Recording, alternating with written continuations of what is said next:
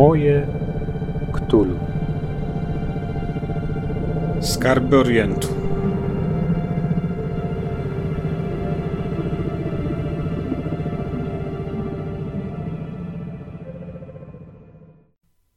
Cześć, jestem Kacper i witam Was w podcaście Moje Ktulu. Moje Ktulu to podcast dla graczy i strażników tajemnic, którzy chcą poszerzyć i pogłębić wymiar nadnaturalnej grozy na swoich sesjach w Zewie Ktulu, a także dla miłośników literackiej, lovecraftowskiej grozy we wszelkich innych grach karcianych, planszowych, komputerowych czy w innych RPGach, bo przecież nie tylko Zew Cthulhu na świecie istnieje. Witam Was w 20 już odcinku mojej audycji. Bardzo się cieszę, że jesteście ze mną. Ci, którzy słuchają mnie po raz pierwszy, zapraszam do subskrybowania, zapraszam do śledzenia fanpage'a i kanału twitterowego tego podcastu, gdzie ukazują się zawsze najnowsze wiadomości mm, wydawnicze i dotyczące wydarzeń ze świata ktulowego w Polsce i na świecie. A moich stałych słuchaczy witam oczywiście bardzo serdecznie i zapraszam na kolejną audycję. Z kalendarza wynika, że jest to audycja tematyczna, a temat dzisiejszego spotkania narzucił nam się niejako sam. Wydarzeniem, które zaskoczyło i zszokowało wielu fanów Zewuktulu na całym świecie, była wiadomość o skierowaniu na przemiał całego nakładu nowego dodatku Sassoon Files. The Sassoon Files to jest e, suplement wydany przez nowe wydawnictwo Sons of the Singularity, dodatek do Zewu Cthulhu, a także do Trail of Cthulhu, który to skupia się na środowisku i realiach Szanghaju lat dwudziestych. Tak się złożyło, że twórcy tego dodatku postanowili wydrukować go w Chinach, no i niestety ponieśli tego przykre konsekwencje, bowiem już po wydrukowaniu przez drukarnię całego nakładu tego dodatku, chińska cenzura zdecydowała o tym, że taki, taka publikacja, taka książka nie może się ukazać, ponieważ jest nieprawomyślna, jest politycznie wywrotowa i nakazała oddać na przemiał cały nakład. Z tego co wiemy, już w tej chwili ten kryzys został w pewnym sensie zażegnany, dlatego że drukarz zwrócił zaliczkę, a twórcy znaleźli inną drukarnię, która wykona to zlecenie, ale był to moment wyjątkowo nieprzyjemny i wyjątkowo taki oburzający czy zaskakujący dla wielu fanów Zewoktulu, że nasze hobbystyczne sprawy, nasze e, zabawowe, można powiedzieć rozrywkowe publikacje znajdują się nagle w e, polu widzenia e, jakichś sił politycznych i te siły polityczne traktują je z całą surowością skazując je po prostu na zniszczenie. To wydarzenie było dla mnie natychmiastową inspiracją do tego, żeby przygotować dla Was tematyczny odcinek w klimatach chińskich. No i jestem ciekaw, jak Wam się ten eksperyment spodoba, jako że jest to odcinek dosyć różnorodny i heterogeniczny. Mamy więc przede wszystkim recenzję The Sassoon Files, tego dodatku, który ja otrzymałem z racji tego, że wspierałem ten projekt na Kickstarterze, także jestem już po jego lekturze i chętnie podzielę się z wami recenzją. Mamy Ktulu w Polsce. I tutaj, no cóż, jak Ktulu w Polsce, to nie w Szanghaju, chyba że restauracji Szanghaj, która kiedyś była przy ulicy Marszałkowskiej w Warszawie, no ale to powiedzmy sobie darowałem. Więc y, przygotowałem coś, myślę, nieco niecodziennego, bo y, chińskie wątki w Warszawie służą mi jako pretekst do opowiedzenia dużo ciekawszej i naprawdę porywającej historii z dwudziestowiecznych dziejów tego miasta, zwłaszcza tych związanych z ludnością żydowską i z latami II wojny światowej. Mamy też fragment biblioteczny, coś zupełnie klasycznego, a e, to wszystko okraszone dodatkami muzycznymi. Mamy więc dzisiaj jeden utwór z lat dwudziestych, czy z końca lat nastych XX wieku, From Here to Shanghai, jest to piosenka napisana przez słynnego amerykańskiego kompozytora Irvinga Berlina i wykonuje ją Jen Green. Green e, to jest piosenkarz, który był bardzo aktywny w latach nastych XX wieku, zmarł w latach dwudziestych e, i on był popularyzatorem tak zwanego skatu. Jest to technika śpiewacza, myślę, że wszystkim dobrze znana nawet z muzyki popularnej, a w tej piosence w dość zaskakujący sposób technika skatowa właśnie jest wykorzystana. Co ciekawe, w tym utworze, w jego tekście można znaleźć ciekawe odniesienie do prawdziwej postaci, do pewnego chińskiego magika, który był dobrze znany w tym okresie. Jeśli wyłowicie jego imię i nazwisko, dawajcie znać. Pomyślę o jakiejś fajnej nagrodzie dla pierwszej osoby, która to rozszyfruje.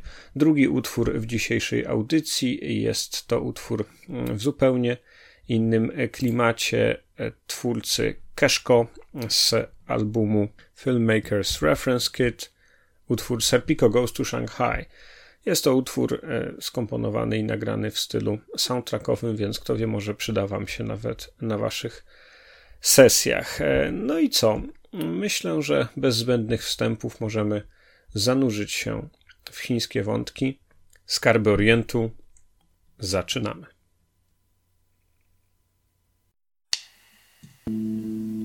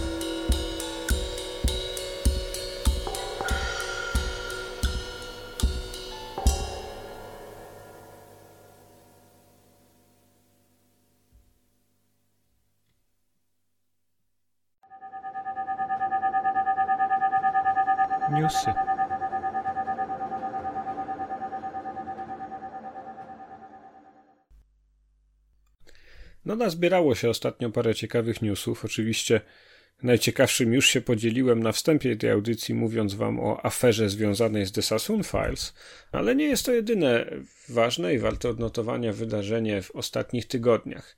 Sporo działo się w Polsce.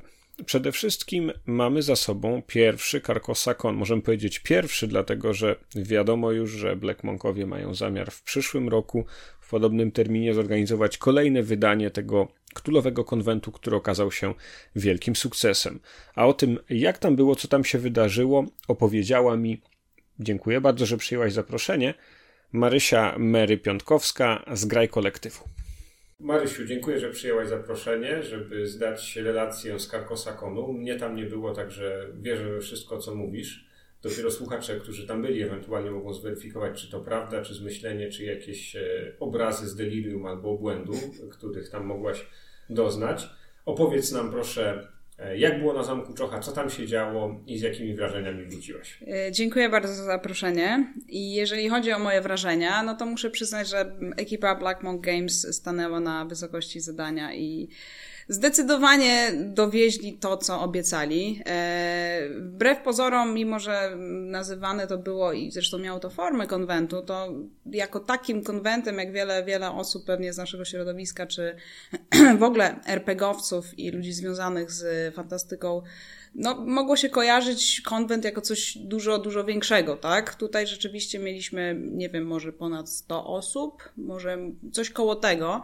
E, no i przy tym jakby cały zamek Czocha w praktyce był nasz, tak? W związku z tym e, rzeczywiście nie czuć było tego tłumu.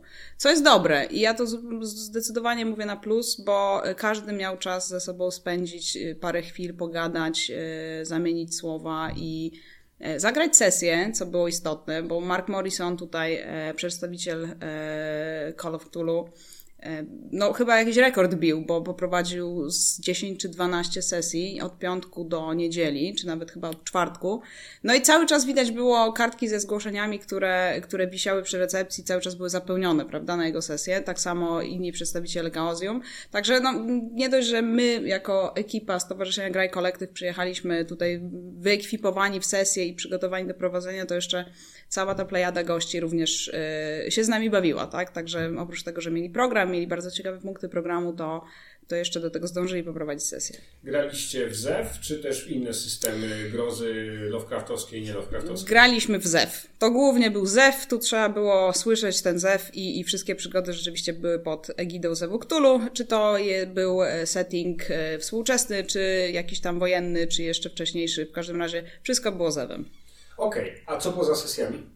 No, był LARP. Tutaj e, nieskromnie przyznam, że odpowiedzialni za niego byli członkowie mojego stowarzyszenia, mojego, naszego, Graj Kolektyw. W głównej mierze Andrzej Skuza do spółki z, Zasią Skowrońską też, ale w związku z tym, że no były aż dwie grupy, nawet trzy się prawie zebrały, to prowadziliśmy go wspólnie e, w parę osób od nas ze stowarzyszenia i muszę przyznać, że wyszło super. E, LARP nazywał się The Mysterious Collection of Late Carter Cavendish, mhm. więc była to aukcja poświęcona kolekcji niecodziennych przedmiotów z dorobku Cartera Cavendisha, który był bardzo takim dziwnym, troszeczkę strasznym e, bogaczem, który rzeczywiście zajmował się, zajmował się taką e, zbieraniem takich, e, takich cennych bardzo artefaktów. No i one, jak można się domyśleć, wszystkie miały gdzieś tam, znaczy wszystkie, prawie wszystkie miały jakiś tam duch Ktulu czy innych mitów gdzieś tam w sobie, w związku z tym wszyscy powoli szaleli. Ale znaleźli się oczywiście też tam kultyści wśród, wśród nich, także no, taki standardowy, myślę, scenariusz, ale który bardzo fajnie wyszedł i wiem, że się podobał. No mieliśmy duże zainteresowanie, także i to dwie godzinki, także tak idealnie na A, rozruch. No to super, to taki mini tak, bardzo dobrze, tak. bardzo. Tak. To ciekawe, to ciekawe, dlatego że wyobrażam sobie sytuację aukcji spuścizny tego Cartera Cavendisha. E, sama ta sytuacja już nadaje bardzo fajną ramę e, taką narracyjną i odpowiednią dramatyzację, która jest po prostu częścią licytacji, więc to musiało być bardzo fajne. Jeśli są jakieś zdjęcia z tego LARPa, to bardzo proszę. Tak, są zdjęcia. Mieliśmy fotografa na miejscu załatwionego oczywiście przez ekipę Black Monka, który latał wszędzie i był wszędzie i starał się wszystko uwiecznić. Inna sprawa jeszcze taka, że rzeczywiście mm, samo miejsce, tak jak wspomniałeś, że w ogóle aukcja, która odbywa się, odbywała się wtedy na zamku, mieliśmy salę skarbiec. W związku z tym tam były też takie ławy podłużne, wszędzie obrazy, takie bardzo eleganckie biurko. W związku z tym sama oprawa i klimat była trafiona tutaj. Mhm. Troszkę przypadkiem, nie przypadkiem, ale rzeczywiście jeszcze była troszeczkę przez nas przygotowana, udekorowana i, i rzeczywiście dało to taki setting e, ktulowy mocno i, i, i z historii. Carcosa.con była zaplanowana w takim terminie, że oczywiście wszyscy już czekają i domyślają się, że być może były jakieś e, informacje, jakieś e, zapowiedzi, jeśli chodzi o e, termin i, i pracę nad polskim wydaniem siódmej edycji Zewukturu. E, być może jakieś nowe informacje, jakieś nowości i być może też coś e, z Chaosium, e, jakieś tam za zwiastuny czy, czy inne, więc na pewno to jest takim gorącym towarem informacyjnym. Tak. Powiedz coś w imieniu redakcji mogę powiedzieć, że rzeczywiście dostarczyliśmy troszeczkę nowych wiadomości. Mówiliśmy o tym, co jest y, jakby na tablicy, jeżeli chodzi o pomysły, które gdzieś tam nam się rodzą w głowach a propos nowych dodatków y, tłumaczonych na, na język polski. Wiem, że trwały jakieś takie y, magiczne dyskusje pomiędzy tymi najwyższymi osobami na najwyższych szczeblach, którzy gdzieś tam planowali różne rzeczy. Także, na wieży zamku. Tak jest, na najwyższej wieży zamku w czasie burzy, dokładnie tak. Co prawda było wielkie słońce, więc tutaj niestety tego klimatu nie było, ale ale rzeczywiście wiem, że, że Daria z Michałem no mocno e, tutaj e, mieli, mieli zajęty ten weekend i bardzo gdzieś tam dużo udało im się załatwić, także będą niedługo niespodzianki. E, większe i mniejsze. Tutaj mówić za dużo nie mogę, ale wszystko będzie wkrótce e, udostępnione. Kampania idzie dobrze, będzie gdzieś tam druga. Póki co trwają prace jeszcze nad e, redakcjami tekstów, także no nie niecierpliwcie się, ponieważ rzeczywiście teksty scenariuszy, dodatków, różnych artykułów rzeczywiście są tak obszerne, że nasza redakcja no musi sobie z tym poradzić tak, żeby to było starannie i dobrze wydane, w związku z tym jeszcze troszkę to zajmie, ale no będzie to na takim poziomie, że wszyscy będziemy zadowoleni na pewno. Czy dobrze z tego czytuję, że dzisiaj pracujecie już głównie nad e, dodatkami, nad książkami ze scenariuszami e, i całym tym, e, powiedziałbym, dodatkowym materiałem z kampanii Wspieram to, a praca nad Księgą Strażnika jest już mniej więcej zamknięta? Praca nad Księgą Strażnika jest w zasadzie zamknięta. Jeszcze chyba z tego co wiem, trwają jakieś tam ostatnie poprawki redakcyjne, potem rzeczywiście skład i jeszcze korekta. Natomiast już całość jest przetłumaczona, wiem, bo też brałam w tym czynny udział, także, także już e, rozdziały poszły e, do redakcji, już były sprawdzane. E, I teraz de facto trwają prace nad redakcją dodatków właśnie scenariuszy. Fenomenalnie. To bardzo dobry znak, dlatego że dla wszystkich najważniejsze jest to, żeby w terminie ukazał się główny podręcznik, no i też razem z nim całe to bogactwo dodatków, które kampania na Wspieram to wygenerowała. Tak jest. Będziemy to wspominać chyba do późnej starości, jaki to był fantastyczny sukces, oby on dociekł pełnego powodzenia również na, na tej płaszczyźnie. Miejmy nadzieję, że będzie jeszcze okazja powtórzyć. E, wiem też, że mm, Księga Badacza Tajemnic y, Ania Mazur pracuje nad nią cały czas y, i jeszcze w zasadzie jest na ukończeniu, także też y, tutaj nie jest to gdzieś tam z tyłu, tylko rzeczywiście druga księga jest też przygotowywana. I zbiórka na nią tak jak jest zaplanowana? Wydaje mi się, że ona będzie bardziej w priorterze chyba, bo Aha.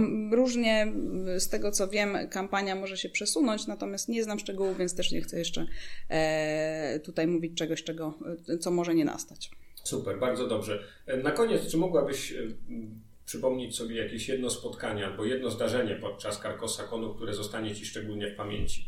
Jeśli był to LARP, no to też oczywiście, ale być może było coś takiego, co, co Cię zaskoczyło albo zachwyciło, albo przeraziło? E, na, były nawet takie dwa momenty. Na, jeden to było, była prelekcja, fantastyczna prelekcja Marka Morrisona o storytellingu w Call of Cthulhu, w którym, na której on się dzielił wszystkimi swoimi trikami i sekretami z ich jego 30 lat działalności w branży i E, pisania scenariuszy. E, Mark ma niesamowitą charyzmę, jest fantastycznym człowiekiem, jest świetnym mistrzem gry i e, no widać, że on zaraża tą swoją pasją. To nie sposób u niego się nie uśmiechać. Uśmiechać albo przez zły, a, przez łzy, albo przez, przez śmiech na tej sesji, bo to różnie bywa z klimatem, natomiast zaraża rzeczywiście swoim entuzjazmem i energią. I tak samo podczas prelekcji, także od niego można wyciągnąć garść naprawdę merytorycznych, bardzo inspirujących wskazówek, porad praktycznych i gdzieś tam rzeczywiście zastosować u siebie na sesjach. A inna, y, inna sytuacja to mm, no do, do chyba końca życia będę wspominać fantastyczny wieczór z e, Jeffem Richardem, czyli e, jednym z dyrektorów kreatywnych Ozium e, oraz z Robinem Lowem, kiedy żeśmy siedzieli po prostu i rozmawialiśmy o muzyce heavy metalowej i o powstawaniu e, muzyki sceny rockowej całej w Seattle. E, w związku z tym, no, było to swojego rodzaju niesamowite, to był środek nocy i faktycznie nasza trójka gdzieś na zamku właśnie w ciemnej komnacie rozprawialiśmy o tym, dlaczego Eric Clapton, a nie Bob Dylan, tak? Także ta, o takich rzeczach również można rozmawiać z przedstawicielami Chaosium. Dziękuję bardzo. Dziękuję bardzo. E, i do usłyszenia niebawem. Tak jest, do usłyszenia. Tak to było na Karkosakonie, ale to nie wszystko. Mamy też inne ciekawe wieści i nowości dotyczące polskiego środowiska Ktulu. Kilka dni temu Marek Golonka, znany w środowisku m.in. jako lider zespołu sędziowskiego Quentina, zapowiedział wydanie zupełnie nowej serii w Miskatonic Repository. Jest to wspaniała wiadomość, dlatego że do tej pory w tej fanowskiej linii wydawniczej Miskatonic University wydawanej przez Chaosium na Drive RPG, takim fan publishingu czy self-publishingu, nie było jeszcze dodatków po polsku.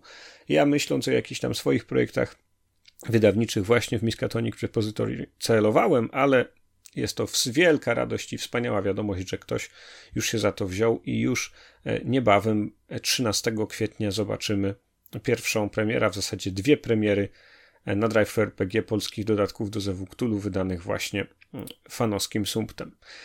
Zgrozy, bo tak nazywa się ten cykl, ten nowy projekt, to nadchodzący zbiór dodatków do siódmej edycji Cthulhu. Większość z nich stanowić będą scenariusze, ale nie zabraknie też innych pomocy dla strażników tajemnic, a w dalszych planach jest nawet gra paragrafowa.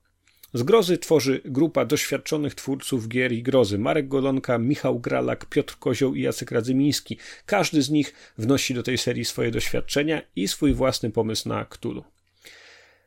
Z tego, co deklarują twórcy, będą dostarczać czytelnikom wrażeń dzięki wszystkiemu, co znają i kochają w Lovecraftowskiej grozie ale także mają zamiar pokazać, że wciąż jest w niej coś nowego do odkrycia. Pierwsze dwa scenariusze z tej serii ukażą się już w sobotę 13 kwietnia, następny dwa tygodnie później 27 kwietnia. Kolejne zaś będą się ukazywać co najmniej co miesiąc. E, z tego co zapowiadają autorzy, nawet częściej z grozy, które ukażą się przed polską premierą Księgi Strażnika będą tak napisane, żeby można było rozegrać je jako scenariusze e, przy pomocy wyłącznie dostępnego na stronie zewktulu.pl i w szerokiej dystrybucji drukowanej startera. Bardzo dobry pomysł. Zgrozy będą wydawane w serwisie Miskatonic Repository, który to, jak już nieraz Wam wspominałem, pozwala autorom spoza wydawnictw, które mają licencję na Zewktulu RPG, publikować i sprzedawać własne materiały do tego systemu. Zakup e, więc e, dodatków z tej serii będzie wymagał konta na RPG, ale jest to serwis o dobrej reputacji. Czasami się boryka z pewnymi problemami technicznymi, ale generalnie ja na przykład jestem częstym jego klientem i zdecydowanie polecam. Jeśli chcecie śledzić e, zgrozy, e, to polecam ich profil facebookowy zgrozy RPG. Możecie również po prostu patrzeć na to, co się pojawia na mm, Miskatonic Repository od 13 kwietnia i zapewne tam zobaczycie te dodatki. Ja dzięki uprzejmości twórców widziałem już pierwszy z nich, jestem pod pozytywnym wrażeniem, ale zrecenzuję go w kolejnych audycjach. Trzymamy kciuki za to, żeby ten projekt dobrze się rozwijał, żeby te zgrozy dobrze szły. Co poza tym? A no poza tym mamy mm, dobrą wiadomość e, również z środowiska fanowskiego. Tomek Wikland e, uruchomił nowy projekt, będzie to repozytorium autorskich handoutów do przygód do Zewu czyli tutaj bardzo dobry pomysł, bez naruszania praw autorskich, bez jakichś kontrowersji licencyjnych, specjalne takie, no powiedziałbym, dzieła autorskie, jeśli chodzi o handouty, jeśli chodzi o jakieś pomoce, czy, czy opisy ksiąg, czy inne e, gadżety i akcesoria, którymi chcielibyście się podzielić. Jeżeli wejdziecie na kanał e, Zewktul dla mm, badaczy tajemnic na e, Facebooku albo dla strażników tajemnic, to znajdziecie bez problemu ten link, który tam Tomek Wikland wrzucił i już tam powolutku przyrasta zbiór właśnie takich pomocy i handoutów. Także badacze tajemnic, proszę tam nie zaglądać, to jest tylko dla strażników, żebyście sobie zabawy nie popsuli. Na koniec tych newsów jeszcze nowości z Miskatonic Repository. Nie zapowiedzi, tak jak z grozy, tylko co tam się ostatnio ukazało. Trzy pozycje. Cinematic Environs Mountains. Niedawno wam opowiadałem o innym wydaniu z tej serii, o e, pustynnym przewodniku. Celem tego dodatku, który kosztuje niecałe 5 dolarów, jest dostarczenie strażnikom tajemnic słownictwa i wszelkiego rodzaju inspiracji do robienia dobrych opisów i e, tworzenia dobrego klimatu przygód, tym razem w górach. Mamy też e, jeszcze drugi dodatek, e, który kosztuje tylko 2 dolary. Visceral and Emotional Damage. Jest to specjalny, jest to taka mała książeczka, specjalny dodatek, który pomaga wzbogacić walkę w e, Zewie. E, to jest o tyle ciekawe, że autor John Hook jest e, wielkim fanem podcastu The Good Friends of Jackson Elias. Ja również jestem wielkim fanem i zawsze polecam ten podcast, który jest dużo lepszy od mojego, tyle że jest po angielsku. Subskrybenci, którzy mm, wspierają ten podcast Good Friends of Jackson Elias na Patreonie, dostają ten dodatek za darmo. Także, no, jak widzicie, e, e, karma krąży i e, dobro wraca, a pieniądze zainwestowane w twórczość fanów i twórców jakichś fanowskich mediów warto mm, czasami rzeczywiście poświęcić, bo wynikają z tego dobre rzeczy. No i pokazał się mm, dosłownie kilka dni temu jeszcze Jeden dodatek w Miskatonic Repository La Segunda Anfora. Jest to jakiś dodatek po hiszpańsku, także tylko odnotowuję jego istnienie, a nie zagłębiam się, ponieważ kastylijski język nie jest mi niestety znany. Jeśli chodzi o newsy, to wszystko za dwa tygodnie wrócimy do tradycyjnych przeglądów YouTube'owych i innych. Myślę, że jednak te informacje, którymi dzisiaj się podzieliłem, stanowią już całkiem ekscytującą inspirację, a obiecuję Wam, jestem o tym przekonany, że od dziś do wydania Księgi Strażnika, czyli najbliższe miesiące, to będzie tylko napięcie rosnąć i coraz więcej będzie się działo i coraz więcej będzie się działo no bo w końcu już za e, niecały, e, niecały miesiąc Pyrkon, a tam zapewne kolejne zapowiedzi od mm, Black Monków i informacje o rozwoju projektu Ktulowego.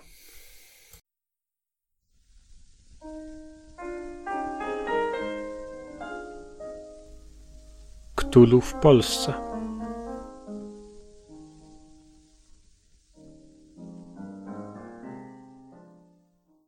Cóż można powiedzieć o budynku, do którego w zasadzie ani wejście swobodnie nie da, a nawet jeżeli jesteś zaproszony, to widzisz tylko jakieś jego e, wybrane niektóre elementy. No, trzeba puścić czasem wodze wyobraźni.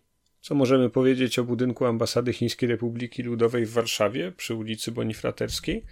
No, znamy co nieco jego historię. Budynek ten był zaprojektowany w okresie bardzo intensywnych i e, serdecznych stosunków pomiędzy Polską a Chińską Republiką Ludową, czyli w latach 50., kiedy to oba kraje komunistyczne mm, bardzo rozwijały swoją wzajemną współpracę. Zaprojektował go zespół e, polskich architektów pod kierunkiem Romualda Guta, słynnego architekta międzywojennego, autora wielu gmachów w Warszawie. E, między innymi e, uczestnikami tego zespołu byli tacy twórcy jak Aleksander Kopsdej czy Alina Scholz, a także jeden chiński architekt Lin Luo. Budynek ten zaprojektowany w stylu funkcjonalistycznym był w owym czasie podobno przez warszawiaków lubiany. Jest to cały kompleks, na który składają się budynki mieszkalne, rezydencja ambasadora, budynek właśnie ambasady. Do tego mm, jest tam też taki nieduży kompleks sportowy, ale przede wszystkim rozległy, piękny, inspirujący, tajemniczy ogród, którego ważnym elementem jest staw z specjalnymi rzeźbami przedstawiającymi m.in. wizerunki smoków. Dzisiaj ambasada Chińskiej Republiki Ludowej, mieszcząca się w rejonie ulic Bonifraterskiej, Świętojerskiej i Wałowej, kojarzy się przede wszystkim z różnego rodzaju protestami i manifestacjami, które się przed nią odbywają, czy w obronie e, praw e, człowieka w Tybecie, czy w innych sprawach, kiedy to władze Chińskiej Republiki Ludowej, władze komunistyczne wywołują oburzenie lub e, protest mieszkańców Warszawy. Takie wydarzenia czasami tam mają miejsce. Ale z tym budynkiem wiąże się jedna niesamowita historia, która jest dużo większa i dużo ciekawsza niż jakikolwiek budynek, choćby nie wiem jak piękny, dlatego że jest to historia pamięci, walki i e, starania o przetrwanie prawdy. O czym mówię? Myślę, że możliwe niewliczni, nieliczne z Was słyszały do tej pory o organizacji Onek Shabbat. Po hebrajsku znaczy to radość soboty. I nazwa ta jest kryptonimem wyjątkowej, absolutnie historycznie bezprecedensowej organizacji podziemnej założonej w getcie warszawskim przez żydowskiego historyka Emanuela Ringelbluma.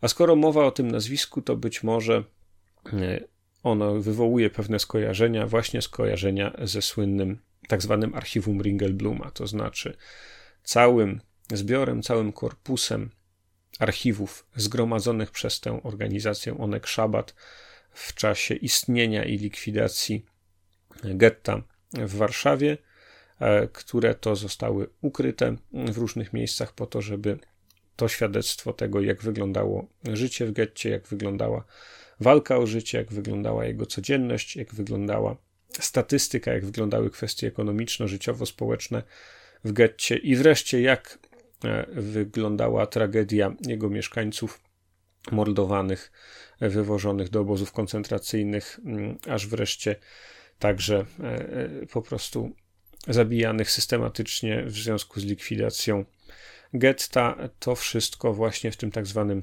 archiwum Ringelbluma zostało uwiecznione przez grupę historyków, zrzeszenie naukowców, Onek Szabat działających pod jego kierunkiem w getcie i ukryte z nadzieją na to, że przetrwają one likwidację getta i później będą w stanie to świadectwo na podstawie relacji naocznych świadków i to nie amatorów, ale profesjonalistów, archiwistów, historyków, badaczy, naukowców, którzy e, żyli w getcie, przetrwać i to świadectwo ponieść dalej, opowiedzieć prawdziwą historię getta.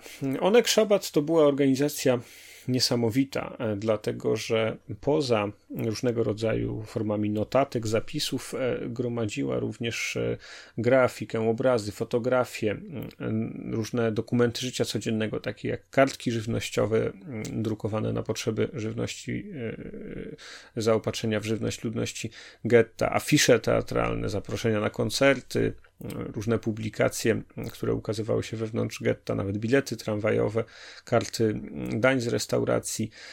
Ta tajna organizacja, działająca oczywiście w głębokiej tajemnicy przed Niemcami, którzy absolutnie na to by nie wyrazili zgody, dokumentowała również polityczno ekonomiczne życie getta, to znaczy E, relacje pomiędzy Judenratem i żydowską policją, a ludnością i Niemcami, e, zmieniające się położenie różnych grup społecznych czy klas e, społeczeństwa żydowskiej Warszawy, które było zamknięte w, w, tym kulczącym się, upiornie zatłoczonym i, i, i przerażającym getcie, w jaki sposób te różnice w poziomie życia się zarysowywały, jak wreszcie również przy pomocy narzędzi socjologicznych, e, różnego rodzaju ankiet. E, ci e, historycy i archiwiści i badacze Onek Szabatu starali się zrozumieć, jakie są poglądy Żydów zamkniętych w getcie na temat przyszłości narodu żydowskiego.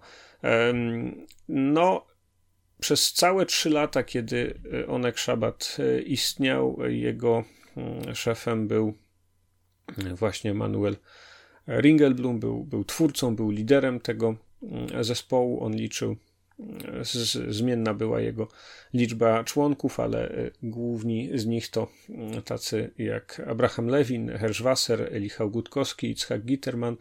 E, ważne, żeby wspomnieć, że wszyscy ci ludzie musieli przetrwać e, wojnę, musieli walczyć o życie i z całego grona współpracowników Ringelbluma przeżyły tylko trzy osoby, Hersch i Bluma Wasserowie oraz Rachela Auerbach pozostali mm, zginęli mm, e, zamęczeni w obozach koncentracyjnych, zginęli w komorach gazowych, zginęli rozstrzelani na ruinach e, getta warszawskiego, pozostawiając po sobie to niesamowite świadectwo, ten niesamowity zbiór archiwalny. Mm, koniec czy kres twórców tego archiwum jest oczywiście e, nierozerwalnie związany z, z akcją deportacyjną z getta warszawskiego, a później z likwidacją getta i powstaniem w getcie warszawskim, czyli już od 1942 roku można powiedzieć, że e, e, działacze konspiracyjnego Onek Szabat zajmują się dokumentacją systematycznej, bezwzględnej, bezlitosnej eksterminacji Żydów z getta warszawskiego.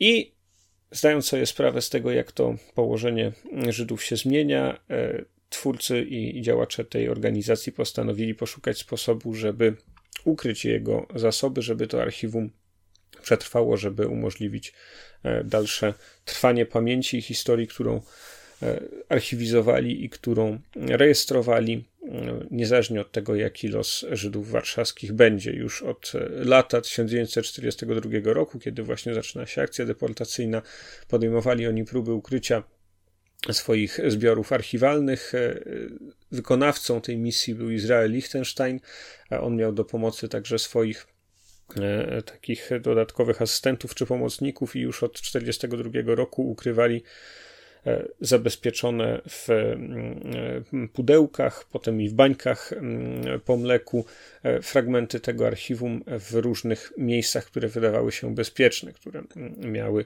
szansę przetrwać niezależnie od tego, co się z gettem stanie. Pierwszym takim miejscem była piwnica budynku przy Nowolipkach 68, w, w, budynku, którego, który mieścił szkołę żydowską, a Liechtenstein był tej szkoły e, dyrektorem, później w tym samym miejscu, które uważano za względnie bezpieczne, przede wszystkim znajdujące się pod kontrolą Liechtensteina.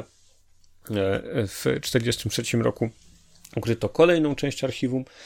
Natomiast e, trzecia część archiwum została zakopana na terenie warsztatu sztortkarskiego przy ulicy Świętojerskiej 34 i ukrył ją tam nie kto inny, a Remalek Edelman, jeden z bohaterów powstania w getcie warszawskim, a po wojnie słynny kardiolog i postać, e, myślę, powszechnie znana. E, tę trzecią część archiwum Ringelbluma mm, ukrył Marek Edelman przy Świętojeskiej 34 4 kwietnia 1943 roku, czyli na kilkanaście dni przed wybuchem powstania w getcie, które zakończyło się kompletną zagładą tej części miasta i wręcz po prostu zburzeniem jej, spaleniem, starciem z powierzchni ziemi. Poszczególni członkowie Onek Szabat przetrwali niektórzy z nich jeszcze e, powstanie i likwidację getta, ale jak już wspomniałem, w zasadzie tylko garstka doczekała mm, końca okupacji. E, no i e, dopiero oczywiście po wyzwoleniu po wojnie można było spróbować podjąć poszukiwania tych archiwów po to, żeby je udostępnić i żeby one opowiedziały historię tego, co się w getcie działo. Inicjatywę tę podjął mm, e, Wasser, e, Hersch Wasser, jeden ze współpracowników Manuela e, Ringelbluma.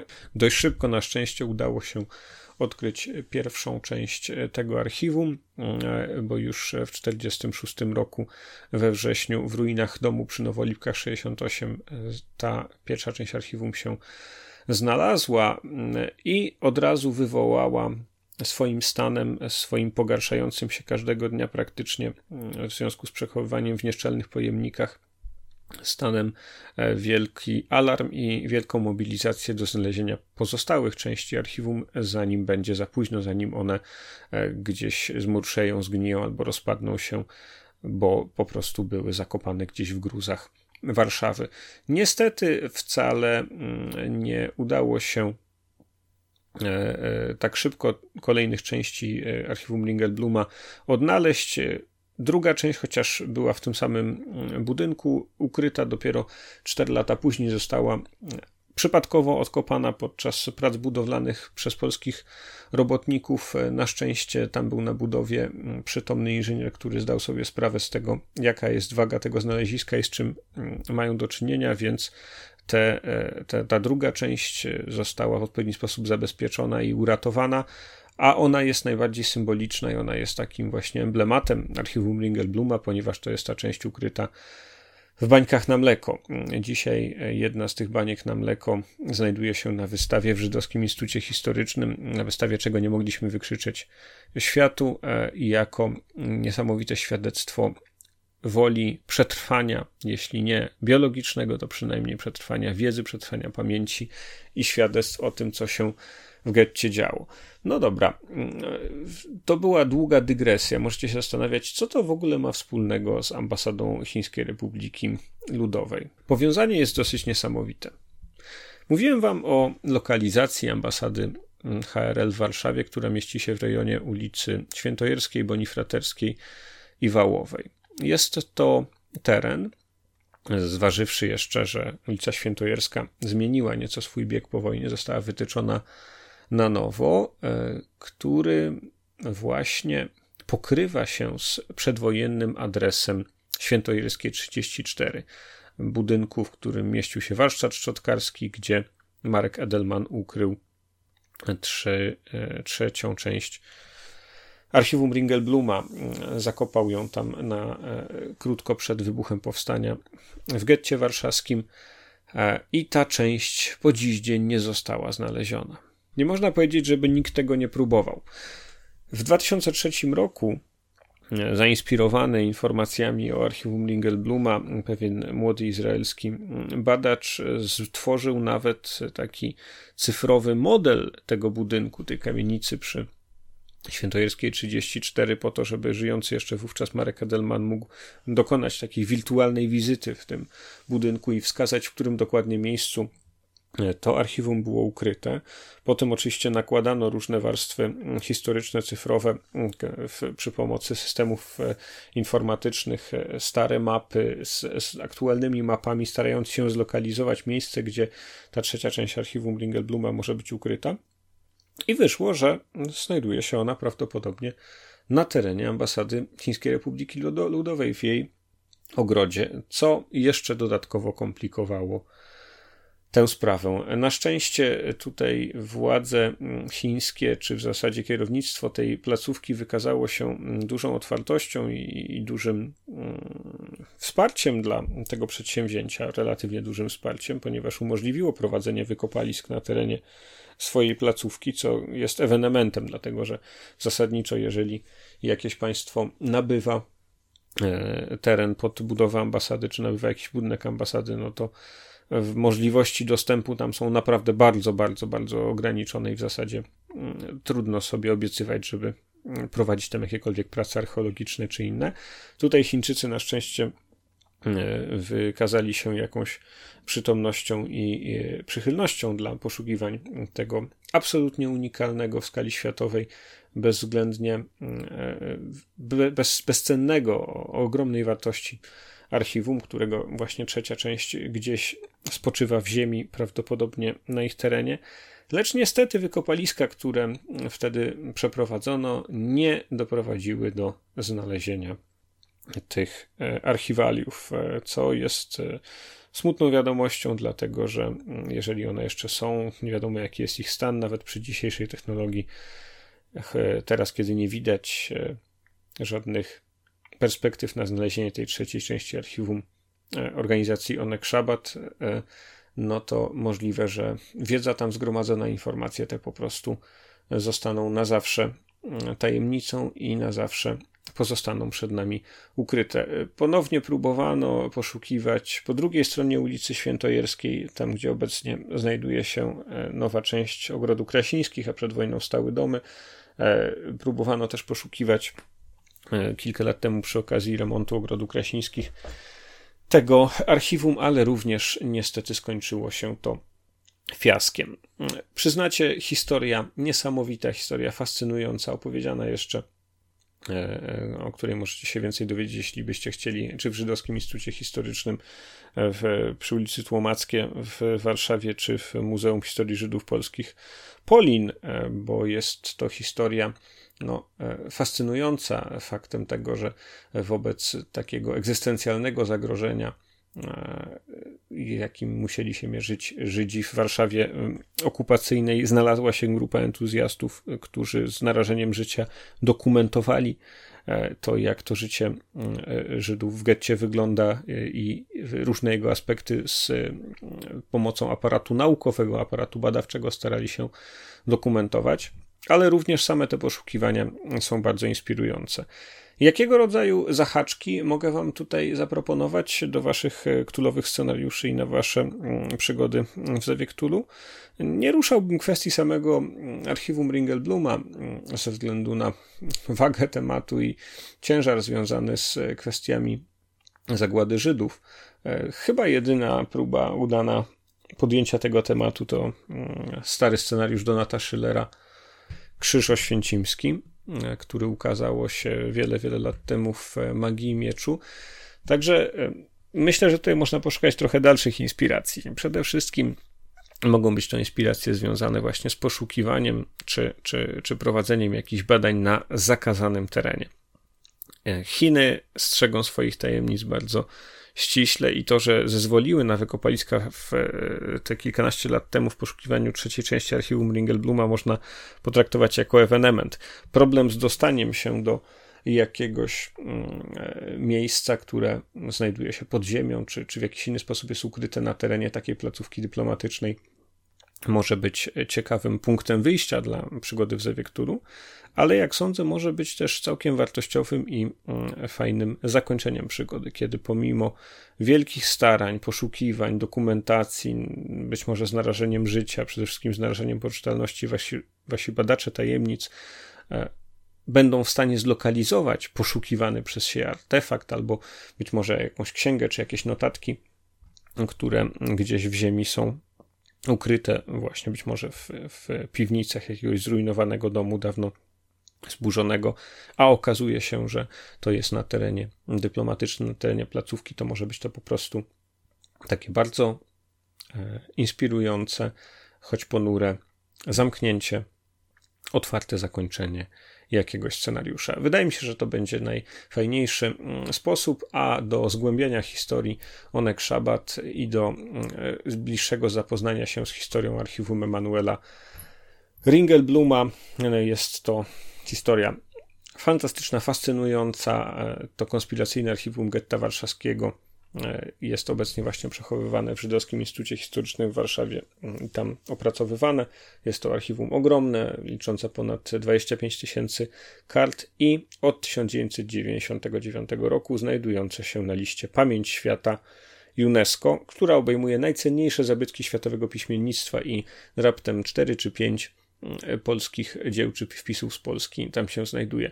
E, zgłębiajcie te historie, poszukujcie tego typu wątków, bo one zawierają dużo inspiracji, a przede wszystkim są fantastyczną relacją o tym, jak dla ludzi wolność e, i przetrwanie może oznaczać więcej niż tylko wolność osobista i przetrwanie indywidualne. Jak Wielką siłą jest wspólnota, jak pięknie nawet w tak tragicznych okolicznościach może realizować się dążenie do prawdy i dbałość o przetrwanie wiedzy.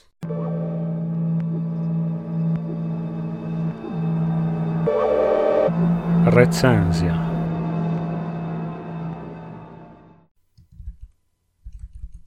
Skoro już wiemy, że The Sassoon Files, czyli specjalne nowe wydanie nowy suplement do Zewu Cthulhu oraz Trail of Cthulhu traktujący o Szanghaju lat 20. był czymś tak nieprawdopodobnie obraźliwym dla władz Chińskiej Republiki Ludowej, że postanowiły skierować cały nakład wydrukowany w chińskiej drukarni na przemiał, no to dobrze byłoby dowiedzieć się, cóż tam właściwie jest takiego w tym podręczniku, tak przerażającego, tak bluźnierczego dla komunistycznej władzy, że aż tak do drastycznych środków się postanowiła uciec zwalczając e, tę publikację i zapobiegając jej rozprzestrzenianiu się e, przynajmniej e, ze chińskich drukarni, że jest to coś zbyt bluźnierczego, żeby było drukowane właśnie na chińskich maszynach drukarskich. Podręcznik jest imponujący już swoim rozmiarem, a warto dodać, że w tym projekcie nie jest to wcale jedyna książeczka, która się ukazuje, dlatego że dzięki sukcesowi kampanii mamy jeszcze dodatkowe publikacje, między innymi Brother of Jesus, który opowiada o ciekawym kulcie, hmm, pewnym odłamie, sekcie hmm, pseudochrześcijańskiej e, w Chinach, której e, lider, to mówimy o historii Chin wiek e, późny XIX, wczesny XX. E, mówimy o sekcie, której przywódca ogłosił się bratem e, Jezusa i na tym opierał swoją legitymację do zarządzania i rozwijania mm, swojej sekty, a była to sekta nie jakaś taka górska, odizolowana, tylko taka z ambicjami, która w ogóle próbowała zawojować Chiny. No, zostawiamy to z boku, bo jeszcze ten Brother of Jesus to zasługuje na osobne omówienie. Skupmy się na głównej pozycji, czyli The Sassoon Files, na głównym grzbiecie, który się w ramach tej zbiórki ukazał. Podręcznik liczy ponad 200 stron i zawiera trzy z, udające się łatwo wyodrębnić sekcje czy części. Pierwsza z nich to jest e, liczące niecałe 20 stron. Troszkę za mało, jak dla mnie. Moim, moim skromnym zdaniem można tutaj było się bardziej rozpisać, dodać więcej szczegółów. Opis settingu, to znaczy jak wygląda mm, Szanghaj lat 20., jakie historyczne koleje losu Chin, a były to koleje losu bardzo przykre, w zasadzie upokorzenie tego wielkiego narodu i tego państwa w wieku XIX przez potęgi kolonialne, które zdominowały całkowicie Chińczyków i narzuciły im szalenie dyskryminujące i niekorzystne warunki handlowe przy pomocy tak zwanej dyplomacji kanonierek, czyli po prostu wymuszając siłą różnego rodzaju ustępstwa na mm, cesarzach państwa środka. E, więc mamy tutaj w tym podręczniku również opis właśnie tego tak zwanego Century of Humiliation e, e, w wieku upokorzenia w historii Chin. E, mamy opis postaci, której zawdzięczamy tytuł tego podręcznika, czyli Wiktora Sasuna, wielkiego inwestora, wielkiego biznesmena, który wywodzący się z irańskiej rodziny żydowskiej, z Indii, dotarł później do mm, Chin i tam w Szanghaju zbudował swoje imperium nieruchomości i jemu zawdzięczamy mm, wiele budynków zabytkowych, pięknych mm, tego okresu kolonialnego w e, Szanghaju. I e, ta część Szanghaju, która nazywa się Bund, E, to znaczy ta część e, nad rzeką e, o takiej dosyć jednolitej, historycznej, tradycyjnej zabudowie jest w dużej mierze jego projektem inwestycyjnym, jego pomysłem, więc o tym Wiktorze Sasunie właśnie, którego to archiwa Sasuna dały tytuł temu podręcznikowi również się czegoś dowiadujemy. Była to postać historyczna, ale tutaj w tym dodatku oczywiście jest okraszona wątkami jeszcze związanymi z mitami Cthulhu. I Wiktor Sassoon jest w tym podręczniku przedstawiony jako obrońca Szanghaju przed zgubnymi wpływami e, mitów, czyli e, po prostu e, badacz tajemnic, który przy pomocy swoich środków, swojego wielkiego majątku i swoich, swoich koneksji stara się E, wspierać walkę z e, mitami i z wielkimi przedwiecznymi na tym swoim terenie. E, poza tym w pierwszej części tego podręcznika mamy opis po prostu Szanghaju, jak on w tych latach dwudziestych wygląda, trzy części miasta, miasto chińskie, czy ta część tak zwana International Settlement, osiedle międzynarodowe i French Concession, czyli koncesja francuska. Tutaj, jeśli poczytacie trochę, czy na Wikipedii o Szanghaju w tamtym czasie, czy w ogóle o historii Chin, czy zanurzycie się w ten dodatek, to dowiecie się, dlaczego tak to się stało, że to miasto było w zasadzie podzielone na różne strefy krajowe, zagraniczne. To jest e, samo w sobie bardzo ciekawe, dlatego że Szanghaj wtedy jest takim patchworkiem zszytym z różnych e, kulturowo obszarów. E, no i to jest pierwsza część, pierwsza część taka faktograficzno-opisowa, druga część najobszerniejsza tego dodatku to cztery scenariusze Strange Gates, Hidden Demons, Let Sleeping Dogs Lie, There is This One Girl and Cars of the Peacock's Eye.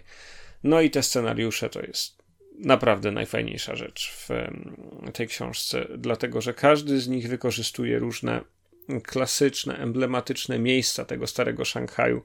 Wiele z tych miejsc można wciąż jeszcze odwiedzić, jeśli będziecie kiedyś w Chinach. Możecie pójść tam właśnie tropem mitów Cthulhu e, w Szanghaju. E, są to scenariusze napisane, e, rozpisane i na mechanikę Cthulhową ZW Cthulhu i na mechanikę Cthulhową Gamshu, czyli Trail of Cthulhu w zasadzie czytelnie, ładnie, w sposób bardzo taki usystematyzowany, dobrze przygotowane scenariusze do prowadzenia, które wszystkie wiążą się z Wiktorem Sasunem, wszystkie dotyczą mitów i wszystkie są naprawdę niebezpieczne, dlatego że w każdym z nich wchodzi się w paradę jakiemuś lokalnemu kultowi e, e, istot mitów czy bóstw mitów i jest to naprawdę walka na śmierć i życie. Co mi się podoba w tych scenariuszach, e, no one są nawet dobrze rozpisane, dlatego że mają dosyć otwartą strukturę, nie, nie narzucają w sposób bezpośredni jakiejś takiej tramwajowej, kolejowej kolejności odwiedzania poszczególnych miejsc czy zbierania informacji to już jest plus. E, są bogate, są widać dobrze przetestowane, aż chce się w nie grać. Trzecia część tego podręcznika to mm, stowarzyszenia, frakcje e, Szanghaju oraz zasady opcjonalne. E, mamy więc tutaj opis szeregu, no chyba ośmiu różnych grup czy frakcji mm, społecznych, które w Szanghaju istnieją w owym czasie i interakcje między nimi, a także rolę badaczy tajemnic, którzy gdzieś tam między nimi starają się balansować, przemieszczać. E, bardzo fajnie można tutaj wykorzystać jako dodatkowy element kolorytu, różnego rodzaju elementy mm, przeszkadzające, a także źródło zasobów i źródło pomocy w przygodach rozgrywanych w Szanghaju. I jest jeszcze mm, taka jedna bardzo fajna e, rzecz w tym podręczniku, e, mianowicie lore sheets. I to są takie mm, karty mm, przeznaczone dla badaczy po to, żeby e, wybrane postacie wprowadzić głębiej w tę tajną, konspiracyjną rzeczywistość szanghajską. Są to takie gotowe po prostu karty, z których dany gracz może się dowiedzieć, co jego postać wie i już z tą wiedzą e, coś zrobić, zrobić z niej użytek w toku e, e, gry, w toku sesji, żeby lepiej te zagadki rozwiązywać. Fantastyczne różnicowanie wiedzy, wprowadzanie takich asymetrii pomiędzy postaciami w drużynie na pewno będzie miało efekt dynamizujący i na pewno zasługuje na pochwałę. Mamy tutaj też dodatkowe zasady które mm, e, opisują to, jak e, wchodzą w interakcję badacze tajemnic z tymi różnymi frakcjami. Mamy też na samym końcu listę e, klasycznych utworów szanghajskiego jazzu z tamtych czasów. No, różne tutaj są cuda. Cały podręcznik jest okraszony bardzo obficie materiałami wizualnymi, źródłowymi, czy jeśli chodzi o mapy, czy jeśli chodzi o przede wszystkim zdjęcia, e, a także e, oryginalne ilustracje zaprojektowane na potrzeby tego e, podręcznika. Wszystko to robi dobre wrażenie, jest czytelne i naprawdę bardzo ładne. A podręcznik kosztuje w tej chwili 20 dolców na na Drive RPG. A, o jednym nie powiedziałem. No oczywiście do wszystkich tych scenariuszy są dołączone odpowiednie E, pomocy handouty i dołączone są pregenerowane karty badaczy tajemnic. Czyli jeżeli chcecie się zanurzyć w ten szanghajski świat, to po prostu macie w tym podręczniku wszystko, co jest potrzebne, żeby zacząć tam rozgrywać przygody. Te e, postacie pregenerowane, no to są zachodni typy. W zasadzie jest tam znaczna mniejszość, jakieś pojedyncze dosłownie postacie mm, chińskie, ale również ze względu na kosmopolityczny charakter Szanghaju perły Orientu w latach dwudziestych, to jest tutaj z czego wybierać. Jest, są postacie brytyjskie, francuskie, żydowskie i, i wszelkie inne, więc e, jest to wszystko bardzo różnorodne, dobrze oddające to, jak ten Szanghaj chcą przedstawić e, w kontekście mitów Cthulhu twórcy tego podręcznika. Czego mi w tym podręczniku brakuje i co uważam za niewykorzystaną szansę? No, uważam, że naprawdę, nawet teraz, kiedy nowe wydanie Masek Nyarlathotepa posiada dużo, dużo więcej informacji o Szanghaju lat 20. i 30. na potrzeby szanghajskiego rozdziału tej słynnej kampanii Maski Nyarlathotepa, to naprawdę można było poświęcić więcej niż 20 stron na opis Szanghaju e, w e, klasycznej epoce. No kurczę, naprawdę, piszesz podręcznik na 200 stron o e, mieście i osadzasz w nim przygody ja wiem, że jest internet i teraz dostęp do, do informacji jest wspaniale demokratyczny i wolny i bezpłatny, no ale naprawdę można było napisać więcej niż 20 stron w tym podręczniku o tym, jak wygląda życie w tym Szanghaju, co tam się je, jak tam pory dnia wyglądają, jak wyglądają e, e, jakieś, nie wiem, zabawy, mm, sposoby spędzania czasu, edukacja, no to naprawdę nie muszę tego wymyślać za twórców tego podręcznika a mamy tutaj tak naprawdę mnóstwo jakichś takich informacji faktograficznych, które, które właśnie najłatwiej byłoby znaleźć na Wikipedii. Nie trzeba e, koniecznie ich opisywać, kim był, nie wiem, tam Michał Borodin czy, czy Chiang Kai-shek to są rzeczy dosyć dobrze znane i wiadome, a łatwe do wyszukania, a można było jeszcze więcej takich informacji etnograficzno-kulturowych tutaj zamieścić. I tego mi w tym podręczniku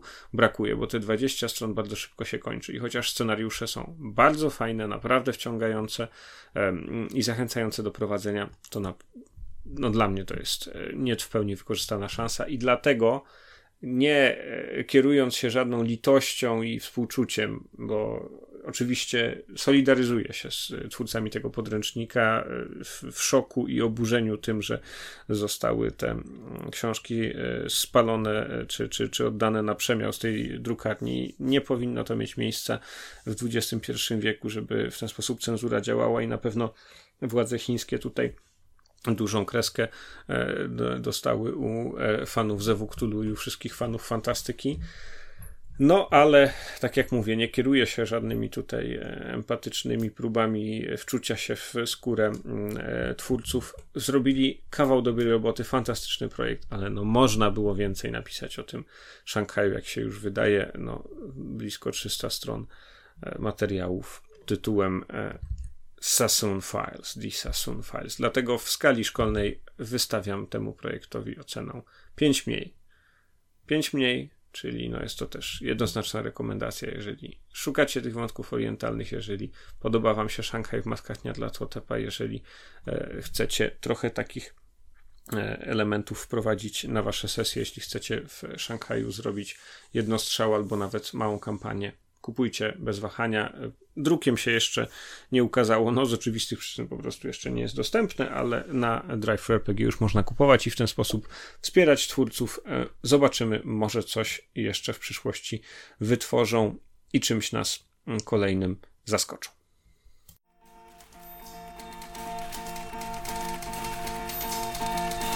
Biblioteka.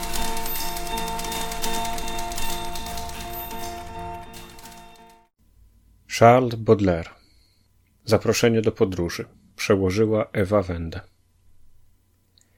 Dziecino, siostro miła, wiesz, jaka to by rozkosz była pojechać tam i żyć we dwoje. Kochać w każdej godzinie, umrzeć, gdy wszystko minie w owym kraju jak odbicie twoje. Słońce rosą zwilżone i niebo zamglone myśl mą spowijają urzeczeniem – pełnym tajemnicy, jak zdrada źrenicy, co za twoich łez przegląda lśnieniem. Tam wszędzie piękno, ukojenie, ład, przepych, zmysłów nasycenie. Sprzętów lśniące powierzchnie czas wygładził, niespiesznie one naszych pokoi byłyby ozdobą. Kwiaty rzadkie by stały, a ich opar nietrwały pierzchająca woń piżma unosiłaby z sobą. Stropy poozdabiane, na luster niezbadane, cały wschód z bogactwem niezmierzonym, sobie znanymi słowy wiódłby z duszą rozmowy w swym rodzinnym języku tajonym. Tam wszędzie piękno, ukojenie, ład, przepych, zmysłów nasycenie. Patrz, na kanału w wodzie sennie chwieją się łodzie. Jeśli zechcą, znikną gdzieś na fali. Wypełnią jak mgnienie każde twoje pragnienie, przybyły z najdalszej oddali. Słońca zachodzące kładą się na łące, na kanałach i na mieście całym hiacyntową szatą. W blasku, niby lato, świat usypia, jak w złocie stopniałym. Tam wszędzie piękno, ukojenie, ład, przepych, zmysłów nasycenie. I to już wszystko w dzisiejszym wydaniu podcastu Moje Ktulu. Bardzo serdecznie dziękuję Wam za uwagę. Dziękuję tym, którzy są ze mną przez ostatnie 20 odcinków od samego początku, ale także tym, którzy słuchają tego podcastu po raz pierwszy i mam nadzieję, że udało mi się Was zachęcić do tego, żeby słuchać dalej, żeby towarzyszyć mi w moich różnych podróżach, wycieczkach i spotkaniach dotyczących mitów Cthulhu i dotyczących inspiracji do waszych sesji, waszych przygód, waszych scenariuszy, czy po prostu karmy dla naszej ktulowej wyobraźni. Przypominam, subskrybujcie kanał YouTube'owy lub e, słuchajcie e, mojego Cthulhu na tej platformie podcastowej, którą lubicie najbardziej, czy są to iTunes, czy Google Podcast, Blueberry, Stitcher, E, czy inne platformy, na których moje Cthulhu jest dostępne. E, mam cię odcinki co dwa tygodnie i w każdym odcinku e, nowe informacje, nowe materiały tematyczne, co miesiąc również rozmowy z ciekawymi gośćmi. Bardzo dziękuję za wysłuchanie tego odcinka. Pozdrawiam Was z ostępów Izabelińskiej Puszczy. Do usłyszenia.